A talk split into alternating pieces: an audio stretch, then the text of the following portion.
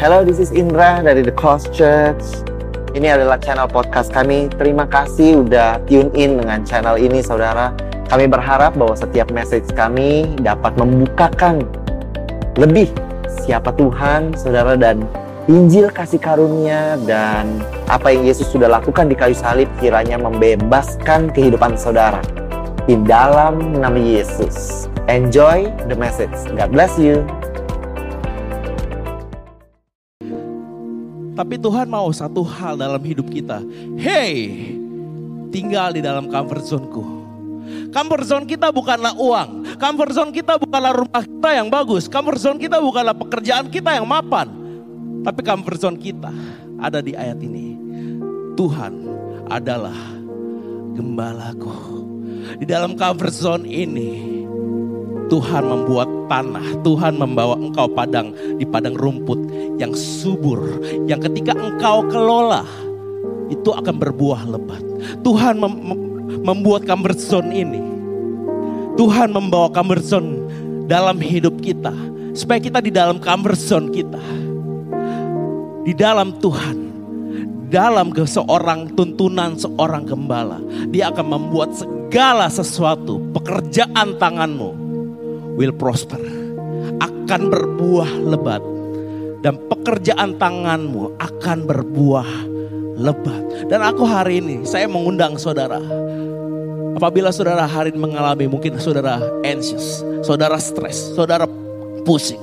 Saudara merasa diri saya, wah diri saya stabil-stabil aja.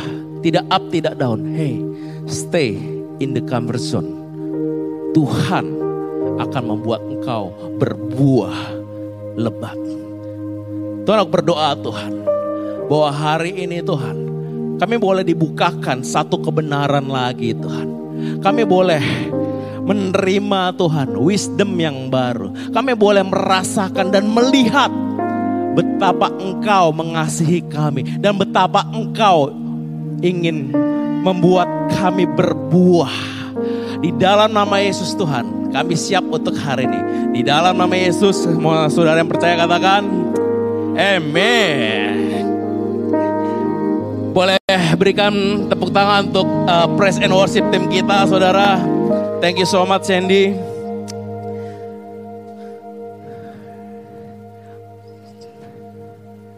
Oke, okay. uh, good morning semua. Thank you udah datang tempat ini. Kemarin mama saya WhatsApp saya, kamu besok ke gereja nggak? Itu ada teroris loh. Kamu hati-hati ya kalau bisa jangan ke gereja dia bilang. Emang sih ujian iman. Ya pengennya nggak gereja mam, cuman besok gue khotbah. Saya bilang seperti itu. Ya, uh, thank you buat teman-teman semua di sini yang uh, udah berani datang di tengah-tengah dunia yang sedang uh, tidak membaik saudara. Tapi saya ingin make sure Tuhan tetap baik. Tuhan tetap baik di dalam hidup saudara. Saudara mungkin di luar sana tidak comfort. Tidak ada comfort zone di luar sana. Tapi I want to make sure bahwa hari ini di tempat ini, this is our comfort zone. Di mana pun engkau melangkah, di mana pun saudara melangkah, that is your comfort zone. Uh, teman-teman kita ada sekitar 50 dan 60 orang kurang lebih mereka sedang ada retreat di di mana? Di di puncak saudara. Dan seperti biasa saudara saya ketinggalan di sini. Saya jaga kandang di sini. Siapa yang sudah pernah ikut retreat di tempat ini? Oke uh, jujur saya belum. Saya belum pernah ikut retreat yang much more saudara. Eh fear no saudara. So uh, anda beruntung lebih beruntung daripada saya karena saya belum pernah ikut. Karena kalau setiap ada retreat saya yang selalu jaga kandang. So Hari ini saya akan memulai judul khotbah saya adalah hal yang kita sering dengar, hal yang kita pernah dengar baik di uh, sekolah minggu maupun di uh, di sekolah waktu itu adalah follow Jesus.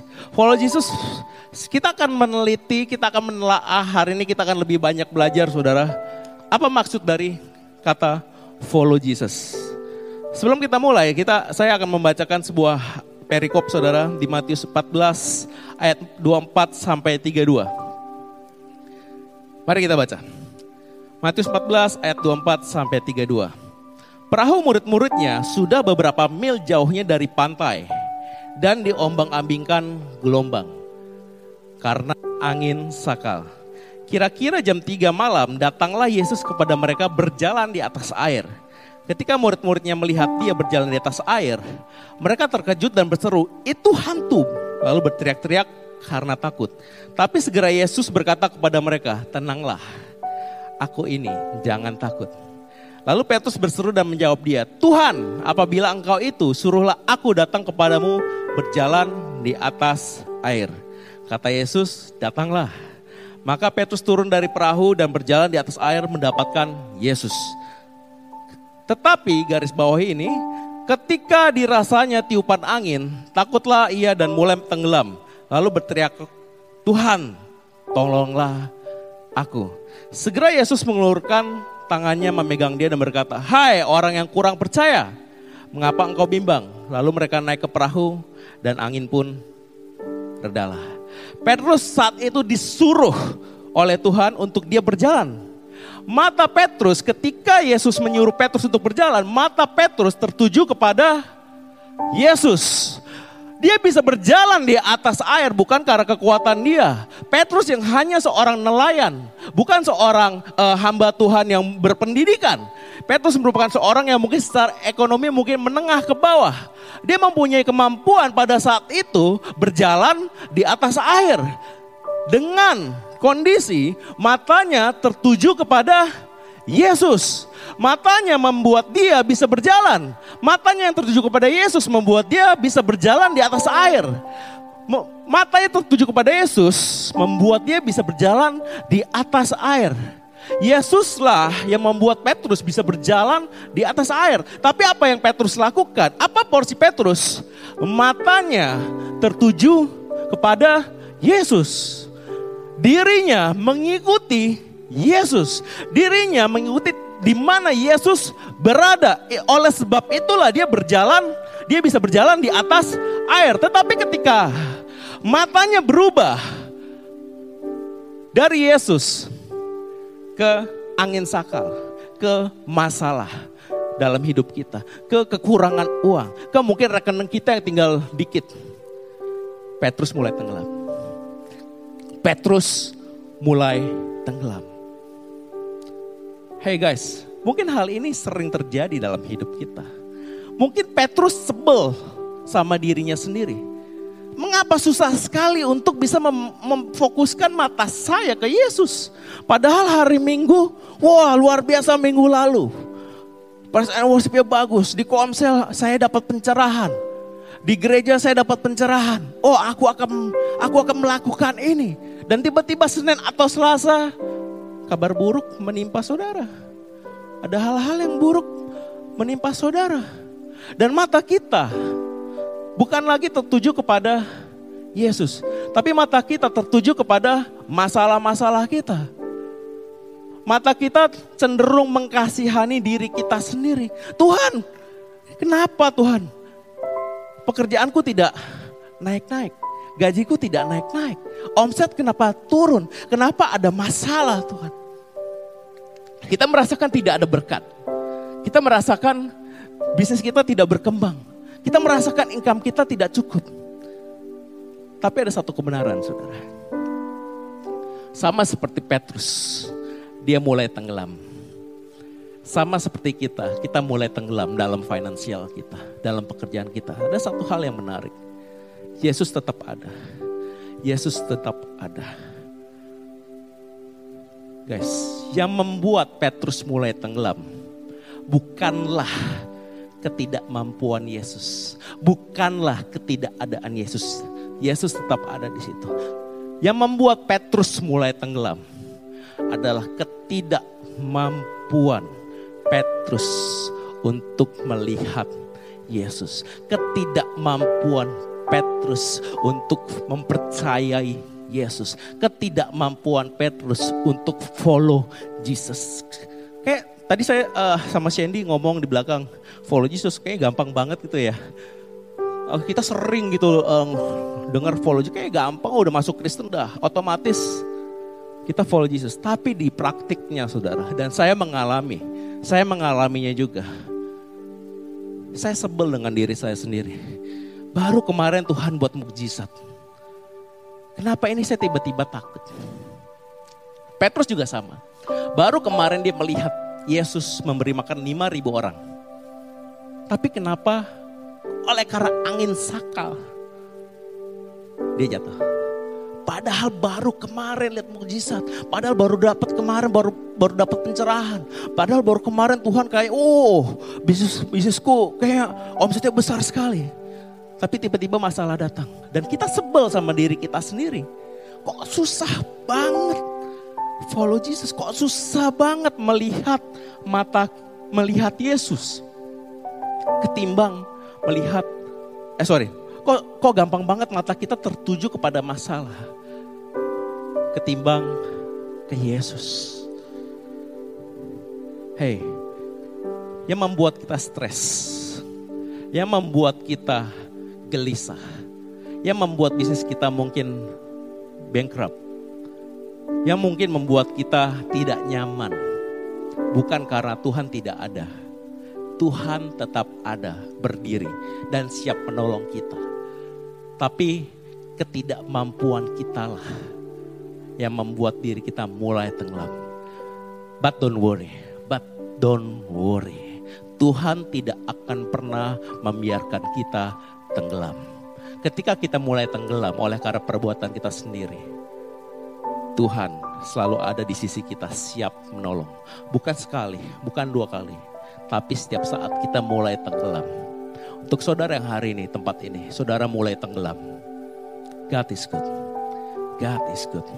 Tuhan selalu ada di samping saudara. Kita mau lihat lagi seorang Petrus di Yohanes 21 saudara. Uh, jadi uh, saya bacakan Yohanes 21 ayat 6. Maka kata Yesus kepada mereka, tebarkanlah jalamu di sebelah kanan perahu. Maka akan kamu peroleh. Lalu mereka menebarkannya dan mereka tidak dapat menariknya lagi karena banyaknya ikan. Kita sering nih baca ayat ini. Garis bawahi ayat 7. Maka murid yang dikasihi Yesus itu berkata kepada Petrus, itu Tuhan. Murid yang dikasihi siapa? Yohanes. Petrus mengetahui itu, menyadari itu Tuhan tidak pertama kali. Siapa yang menyadari? Yohanes. Petrus tidak sadar bahwa itu Tuhan. Tidak heran, tidak heran mengapa seorang Yohanes murid Yesus adalah satu-satunya murid yang menggiring Yesus sampai di kayu salib. Tidak heran mengapa di uh, perjamuan terakhir satu-satunya orang yang bersandar kepada Yesus adalah Yohanes. Mata dia, mata Yohanes tidak tertuju ke hal-hal yang lain. Mata Yohanes ketika ada uh, uh, apa namanya prajurit tentara membawa Yesus dari taman Getsemani. Mata Yohanes tidak tertuju kepada keadaan sekitarnya mata Yohanes tertuju kepada Yesus. Jesus adalah his comfort zone. Mata Yohanes tidak pernah tertuju kepada yang lain dan dia adalah satu-satunya orang dalam kitab ini yang melihat dan sadar ini Yesus. Saudara bayangkan, di tengah keramaian, di tengah masalah, kalau kita bisa melihat ini Yesus. Di tengah kebangkrutan ada Yesus. Di tengah angin sakal ada Yesus. That's why Yohanes menjadi orang yang begitu damai. Karena mata Yohanes tidak pernah lepas dari Yesus. Kita lanjutkan lagi di ayat selanjutnya. Sesudah sarapan, Yesus berkata kepada Simon Petrus, ini kita udah sering dengar. Simon anak Yohanes, apakah engkau mengasihi aku? Ya, aku mengasihi engkau. Sampai tiga kali dia ulang. Yesus memberikan amanat agung untuk Petrus sebelum dia pergi ke surga. Petrus, gembalakanlah domba-dombaku. Petrus, gembalakanlah domba-dombaku. Sampai ketiga kali. Sampai ketiga kali. Tapi perhatikan di ayat 19, saudara. Sebenarnya ada dua hal yang Yesus ingin Petrus lakukan. Dan hal ini dikatakannya, ayat 19, kita skip. Skip. 19. Dan hal ini dikatakannya untuk menyatakan bagaimana Petrus akan mati dan memuliakan Allah. Sesudah mengatakan demikian, ia berkata pada Petrus, ikutlah aku. Apa maksudnya nih? Apa maksudnya Tuhan?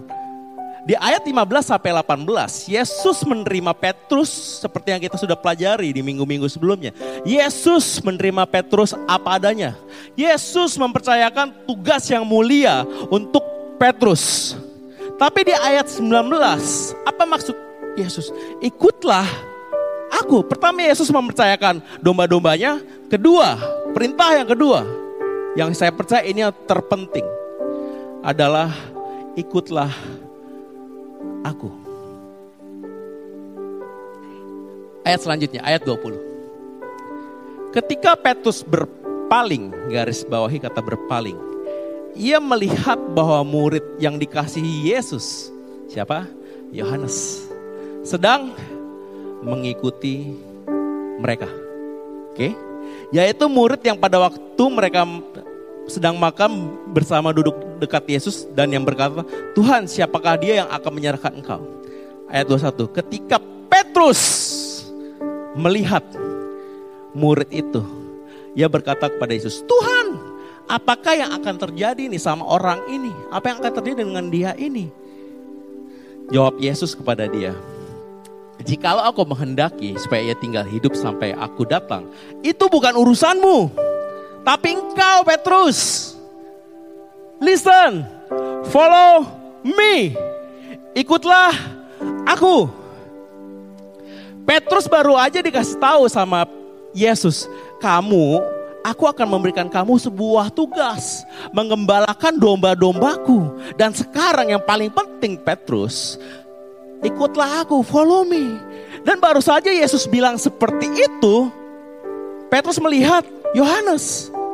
Ini ngapain? Ini, ini ngapain dia ikut kita? Maksud Petrus berkata kepada Yesus, apa yang akan terjadi sama dia?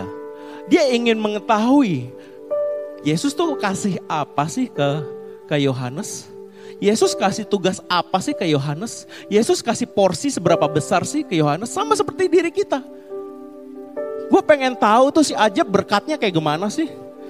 Gue pengen tahu tuh teman pelayanan gue, kok bisa tiba-tiba dipilih jadi WL sih? Sedangkan gue udah lama melayani gue gak dipilih jadi WL. Gue pengen tahu teman kerja gue, kok karirnya meningkat sekali ya? Mata Petrus teralihkan dengan gampang karena dia ingin melihat dalam hal ini. Mungkin ada iri hati. Dia pengen dia, dia dia pengen mengetahui apa sih? Dia pengen tahu, dia pengen tahu porsi orang lain. Matanya tidak lagi tertuju kepada Yesus, tapi matanya ter, tertuju pada berkat orang lain. Lihat Yohanes, lihat Yohanes. Yohanes, apakah dia disuruh Yesus mengikuti? No, no at all. Tapi Yohanes, di mana ada Yesus, dia auto follow auto follow Yesus di mana pun dia berada. Yesus pergi ke salib, Yohanes auto follow. Auto follow. Ke mana pun engkau pergi Tuhan, aku akan mengikuti engkau. Why? Kenapa Yohanes sadar? Boleh saya undang uh, Michael atau Miing atau uh, yo aja. Come, come, come.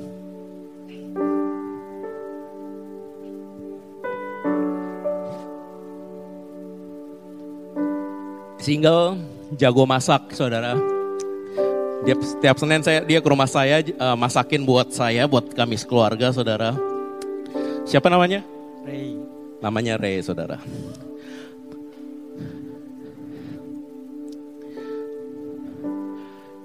Yesus berkata kepada Petrus, ikutlah aku sampai dua kali. Sampai dua kali. Sesuatu yang penting ketika Yesus berkata repetisi dalam satu perikop. Oke, gembalakanlah domba-dombaku sampai tiga kali. Itu sesuatu yang sangat penting bagi Petrus. Dan ikutlah aku, Yesus berkata kepada Petrus, repetisi. Berarti hal ini sangat penting. Mengapa? Mengapa Yesus suruh Peter untuk follow? Karena Yesus tahu Petrus tidak sanggup mengembalakan domba-dombanya tanpa Yesus.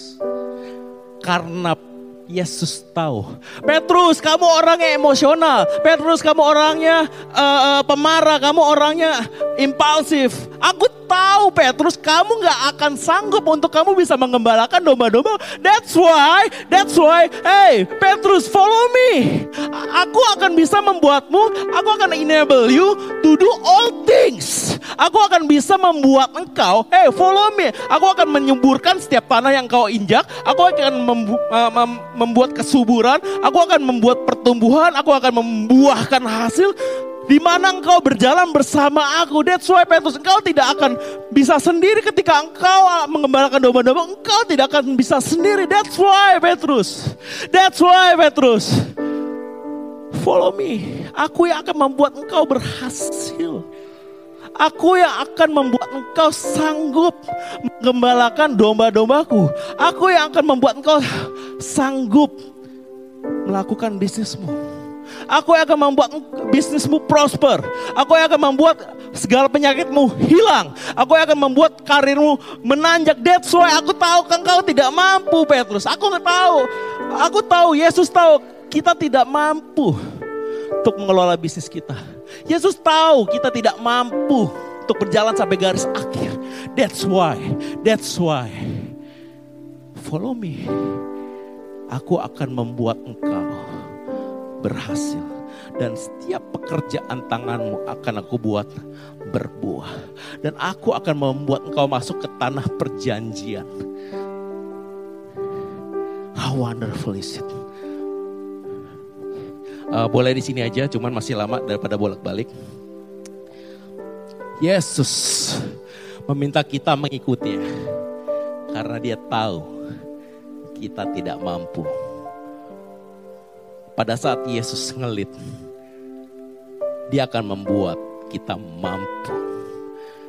Ketika saudara ada di masa, ada begitu banyak masalah. Ketika saudara begitu banyak problem keuangan. Parenting yang mungkin buruk. Merit yang mungkin rusak, saudara.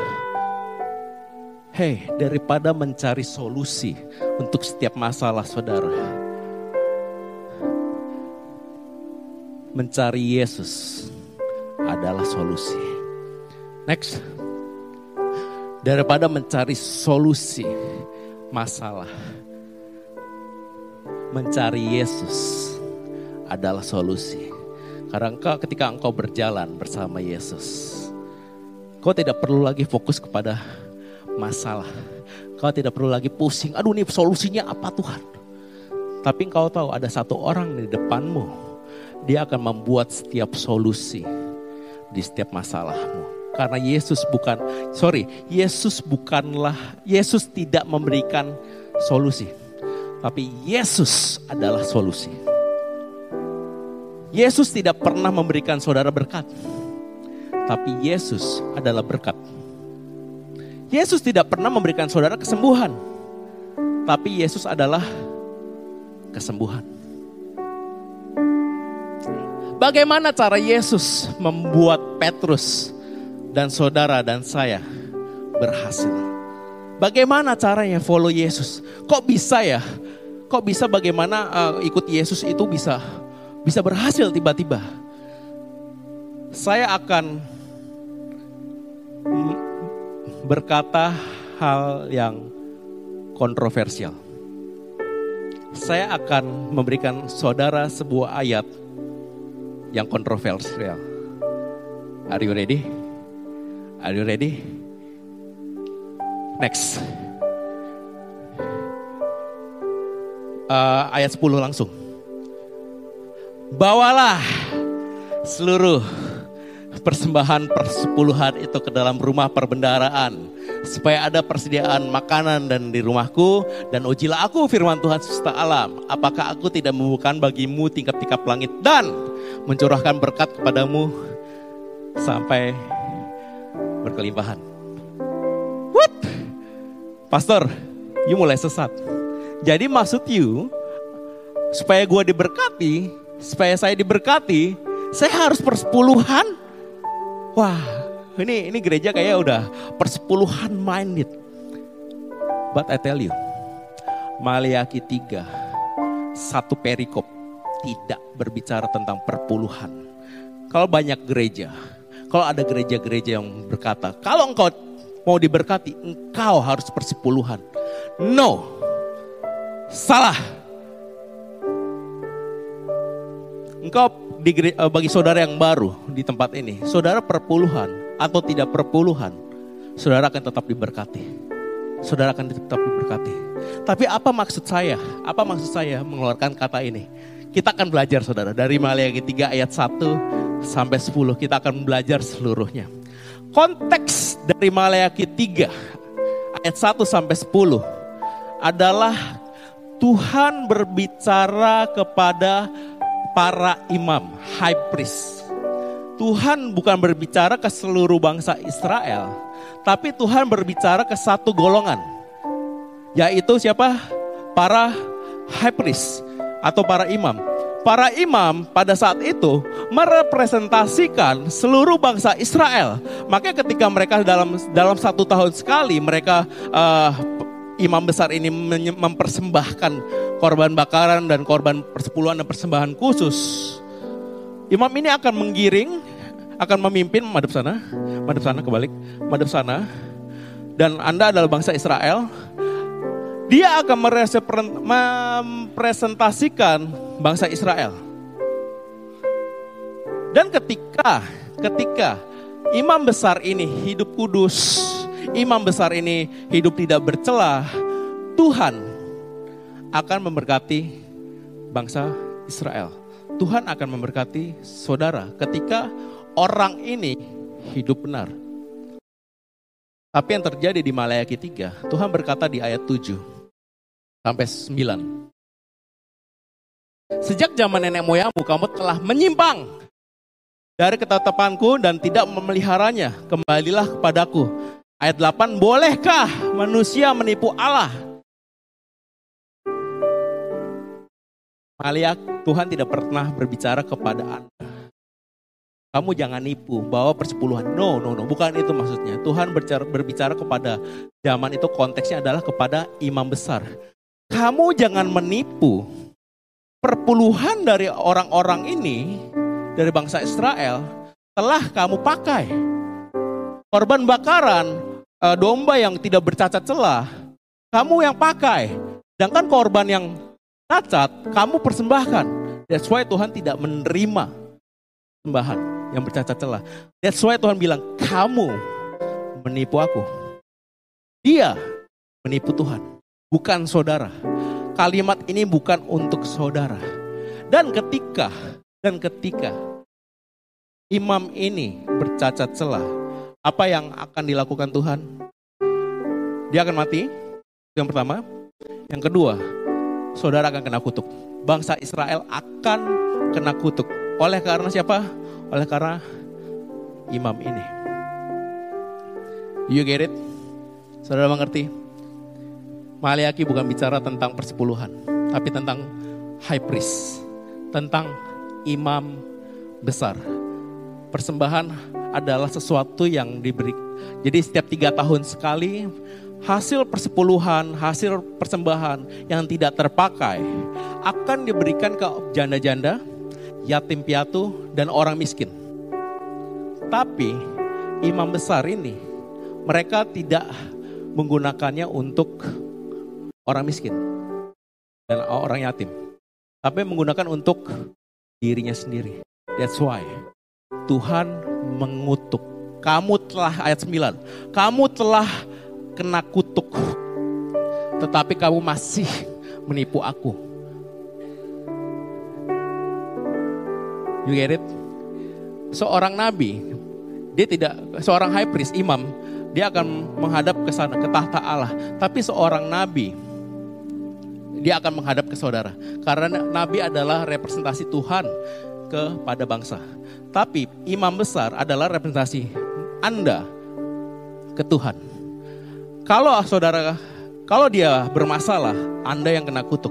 Kalau dia benar, Anda yang kena berkat. Mengerti? Kita lanjutkan. Kita balik lagi di Maliaki 3 ayat 1. Kita akan kupas Maliaki ini. Supaya saudara tidak kena tipu saudara. Next. Di Maliaki 3 ayat 1 boleh pindah ke sini Rey. Lihat, aku menyuruh utusanku supaya ia mempersiapkan jalan di hadapanku. Kata ia huruf kecil, i-nya. Siapa? Yohanes. Yohanes Pembaptis. Oke. Okay? Dengan mendadak Tuhan T huruf besar yang kamu cari itu akan masuk ke baitnya. Oke. Okay? Malaikat perjanjian yang kamu kendaki itu sesungguhnya ia datang. I-nya huruf, huruf apa? Huruf besar, tidak huruf kecil lagi. Jadi adalah uh, subjeknya sudah berbeda. Yang tadi saya percaya adalah Yohanes. Yang ini adalah siapa? Yesus. Garis bawahi kata masuk. Tuhan dengan mendadak Tuhan yang kamu cari itu akan masuk masuk ke baitnya. Garis bawahi kata masuk ke baitnya. Di mana para imam tinggal saat itu? Di bait Allah. Para imam besar tinggal di bait Allah. Dan di Ibrani, next saya komparasi, di mana Yesus telah masuk Yesus telah masuk menjadi perintis ke mana? Ke bait Allah. Ketika dia menurut, menurut peraturan Melkisedek menjadi imam besar sampai selama-lamanya. Imam besar pada uh, zaman Israel tidak selama-lamanya. Sampai dia mati, kalau dia hidup benar, sampai dia akan mati suatu saat. Dan imam besar otomatis digantikan.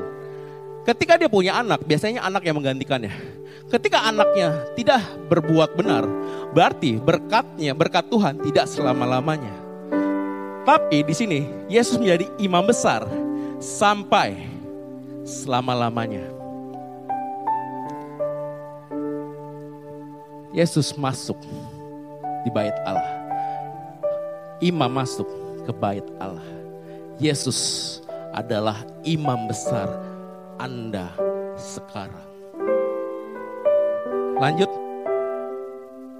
Di ayat 3. Ia akan duduk seperti orang yang memurnikan dan mentahirkan perak.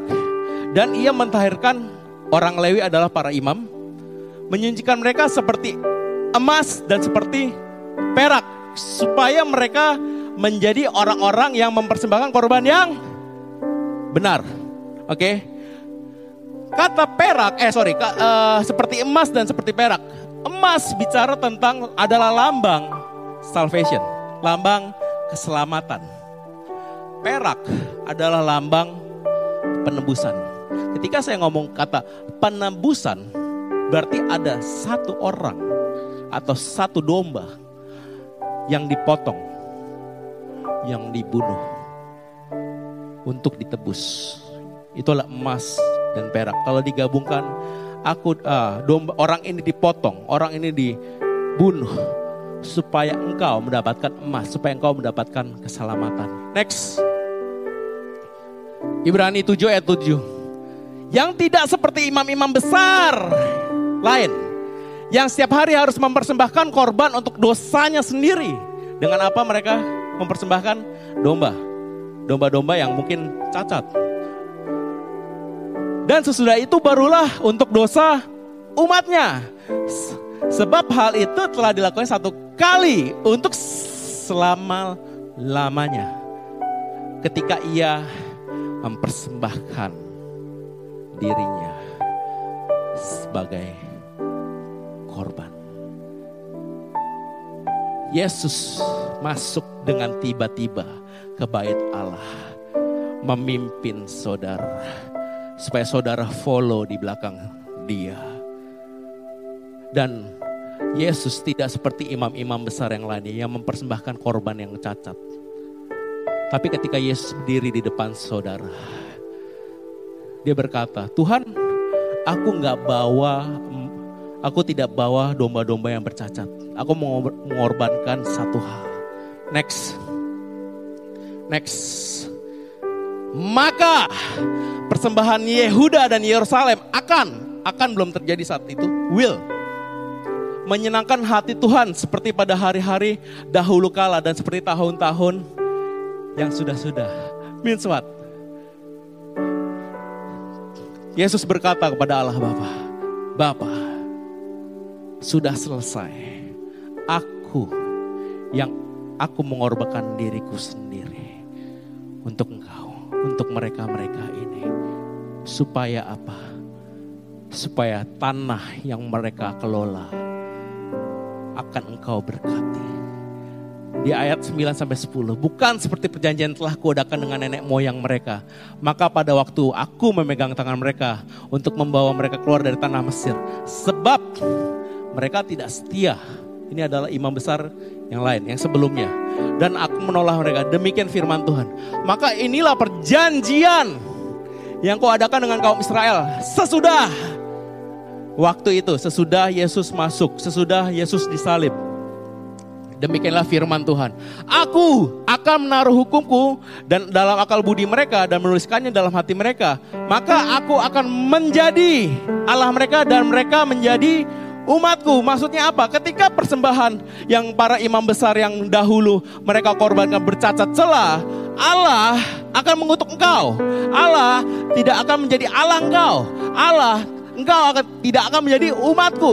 Tetapi ketika pengorbanan Yesus sekali dan selamanya dikorbankan, Allah berjanji aku akan menaruh hukumku dalam hati kalian dan engkau akan menjadi umatku dan aku akan menjadi Allahmu yang menggandeng engkau, yang memampukan engkau dalam setiap masalah engkau. Di kayu salib Tuhan bilang, sudah selesai. Animi Salem. Yang artinya aku sebagai imam besar. Aku sudah bayar semuanya. Aku sudah bayar persembahan yang termahal. Supaya apa? Supaya bisnis kita lancar. Supaya karir kita lancar. Supaya penyakit saudara dibebaskan Saudara tidak perlu lagi repot-repot membawa persembahan yang yang benar, persembahan persepuluhan yang tepat, persembahan persepuluhan yang eh persembahan korban bakaran domba yang tidak bercacat celah tidak perlu saudara. Karena Yesus adalah satu-satunya domba yang tidak bercacat celah dan dia telah mempersembahkan dirinya untuk saudara. Balik lagi ke ayat 10 saudara. Next, next. Next, skip yang ini. Next. Kata bawalah. Kata bawalah. Sebelumnya ada lagi, sorry. Bawalah dalam bahasa dalam bahasa uh, Yunaninya. Eh Ibrani sorry. Ibrani adalah bo. Yang artinya come with. Next. Siapa persembahan tadi? Apakah perpuluhan saudara? No. Persembahannya sudah dilakukan sekali untuk selama-lamanya. Berarti Maliaki 3 ayat 10 berkata kalau dibaca, bawalah atau come with Jesus.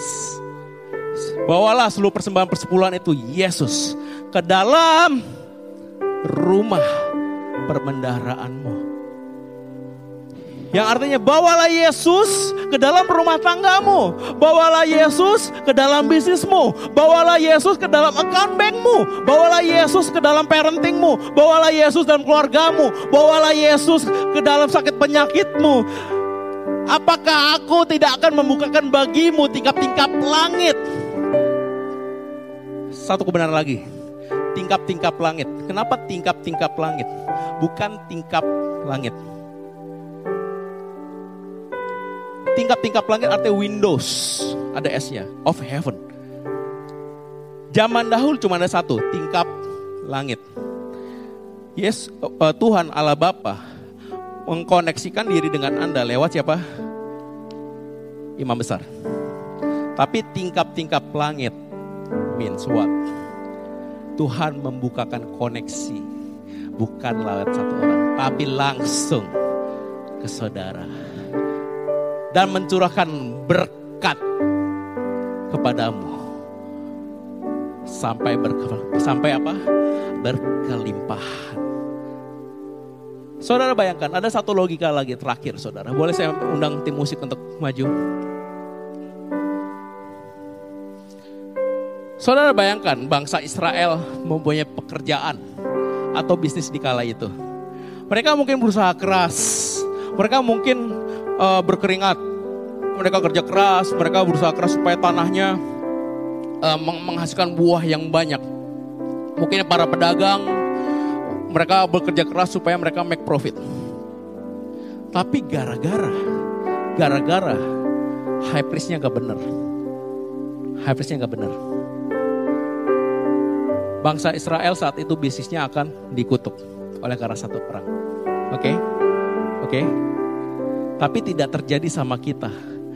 Bagi mereka yang menaruh harapan kepada imam besar yang sekarang. Karena imam besar kita tidak pernah gagal. Logikanya begini. Kalau kalau imam besar kita yang adalah Yesus sudah berhasil. Sudah berhasil. Kita masih pusing nggak? Kita masih pusing gak untuk pikir, aduh bisnis gue gimana nih, gimana. Karena kenapa? Imam besarnya sudah mempersembahkan persembahan, udah pasti gue dapat berkat dari Tuhan. Kalau bangsa Israel berpikir seperti itu, mereka tidak perlu pusing lagi untuk bisnisnya. Mereka gak perlu pusing, karena mereka tahu akan pasti diberkati saat itu. Tapi masalahnya imam besar yang saat itu hampir kebanyakan gagal. Jadi usaha kerja keras mereka tidak membantu. Udah pasti kena kutuk punya, udahlah bocuan lah udah pastilah bisnis gue lah. Karena imam besar ini. Mungkin nggak, mungkin nggak kita sebagai bangsa Israel, anggap bangsa kita adalah bangsa Israel di zaman modern sekarang, saudara. Mungkin nggak kita pusing bisnis kita. Aduh, ini ada ber berkat gak ya? Gak mungkin. Kenapa? Karena imam besar kita udah berhasil. Oh ya, lupa, boleh duduk. Sorry.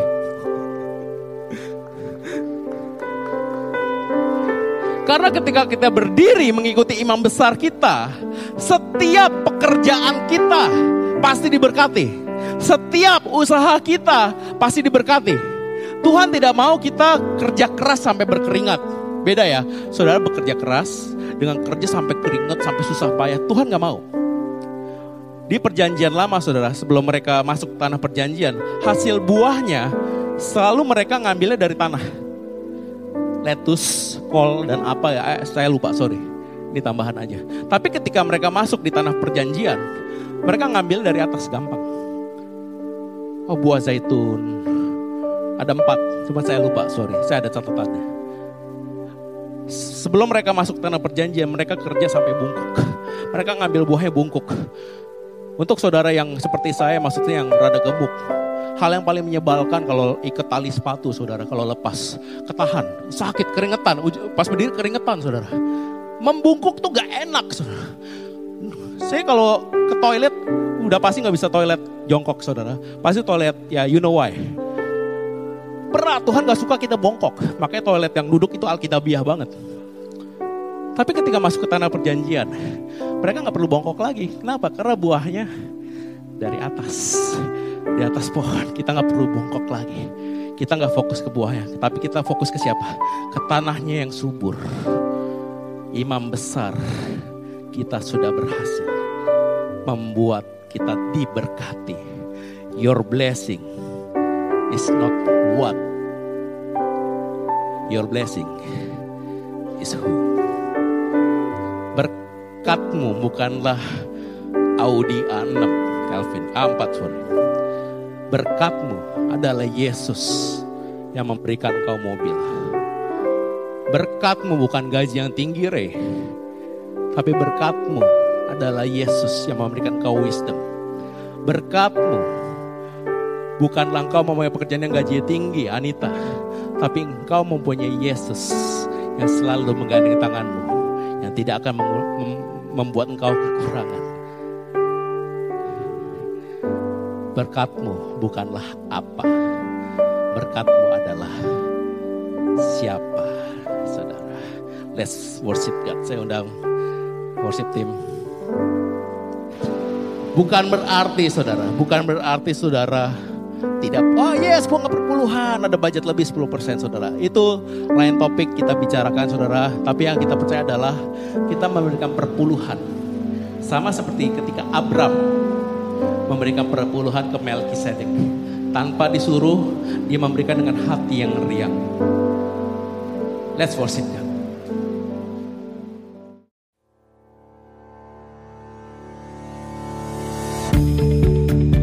Terima kasih lagi sudah mendengarkan episode ini saudara dari podcast ini. Thank you so much saudara.